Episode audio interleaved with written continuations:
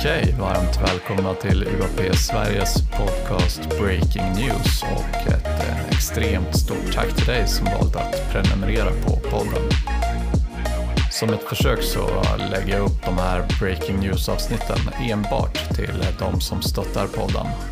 Vi får se om det blir vägen framåt som vi väljer att följa eller om det är bättre att skapa annan typ av innehåll till de som väljer att prenumerera.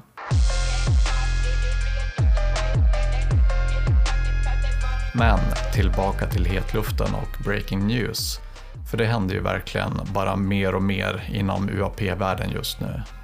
Igår kväll svensk tid så damp uppgifterna ner om att utomstående forskare nu har fått tillgång till och genomfört en livestreamad undersökning på de här mexikanska kropparna. Undersökningen ligger tillgänglig på nätet och visar hur de genomför två olika typer av scans. Och för att namedroppa lite officials då så har vi då ett uttalande från Director of the Health Science Research Institute of the Secretary of the Navy, José de Jesus Salche Benitez, som uttalar sig om resultaten och klargör de facto att kropparna inte alls är sammansatta av flera kroppsrester som kritiker tidigare har menat. De har tidigare i veckan hävdat att de här kropparna är ihopbyggda av bland annat huvudet på en lama. Men här visar man då att så inte alls är fallet. Nej, kropparna tycks än så länge vara helt äkta. De sitter ihop i alla leder, har inga spår av att ha blivit monterade på något sätt. Nej, tvärtom så menar läkarna att det är omöjligt. De skulle ha sett det på röntgenskannrarna. De lyfter också fram något som jag tycker är högst intressant. Något som också lyftes i kongressförhören i Mexiko, nämligen att de här kropparna har implantat. Det handlar om någon typ av exotisk metalllegeringsplattor som sitter helt ihopvuxet eller integrerat med skelettet på ett helt sömlöst vis. Jag är själv ingen ortoped men om man lyssnar på läkarna så är det här implantatet integrerat på ett vis som vi inte har vetenskapen till att göra själva.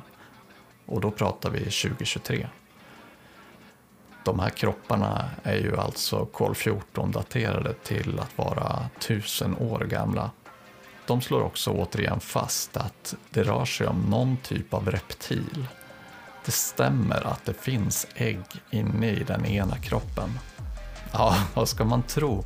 Mysteriet tätnar verkligen här och jag, jag tror inte någon hade kunnat ana den här vändningen. De allra flesta hade nog väntat sig att ingen skulle få undersöka kropparna och att det här bara skulle ebba ut, precis som tidigare historier med mannen som har rullat fram kropparna här av Mr Massan. Men så är alltså inte fallet hittills. Professor Brian Cox har varit en av de här stora kritikerna i veckan. Främst med argumentet att det är helt osannolikt att en varelse från en annan planet skulle vara formad som en humanoid. Han har begärt att få genomföra en undersökning på det bioteknologiska företaget 23andMe och att få prover från kropparna skickade dit för att kunna fastställa om det faktiskt handlar om mänskliga kroppar. Jag kan hävda att hans argument dels kan uppfattas svagt eftersom vi aldrig har stött på liv från en annan planet. Vi har ju då faktiskt ingen aning om hur vanligt eller ovanligt det är att liv får denna formen, alltså ben, armar och så vidare. Jag skulle också vilja argumentera för att Cox är lite trångsynt i sitt sätt att se det här som utomjordiskt liv. Det är långt ifrån säkert att den här livsformen, om den nu visar sig vara äkta, faktiskt utvecklades på en annan planet än jorden. Det finns gott om argument som stöder en tes om att vissa av de här varelserna har funnits på jorden i symbios med oss och långt innan vi fanns här. Om de lever i en annan dimension på vår planet eller i världshaven låter jag vara osagt. Det finns fler teorier om hur det skulle kunna gå till. Men med tanke på hur många observationer går till så lutar jag väl snarare åt att tänka mig att det handlar om någon form av dimensionsteori. Hur som helst så kan vi ju bara önska att Cox får svar på tal och får tillskickat till sig prover från eh, de här kropparna som han kan köra i sina labb. Det vore ju en oerhört intressant vändning såklart. Mer kring frågan då så eh, har Peru också påbörjat en rättslig undersökning kring hur de här kropparna har försvunnit från Peru och hamnat i Mossans förvar. De menar såklart att eftersom kropparna är hittade i Peru så tillhör de deras regering och det peruanska folket. Och de verkar inte alls nöjda med att Mossan har dem i sin ägo. Han har svarat på anklagelserna i sin tur lite kryptiskt med att han är oskyldig och inte har gjort någonting olagligt i införskaffandet av dem.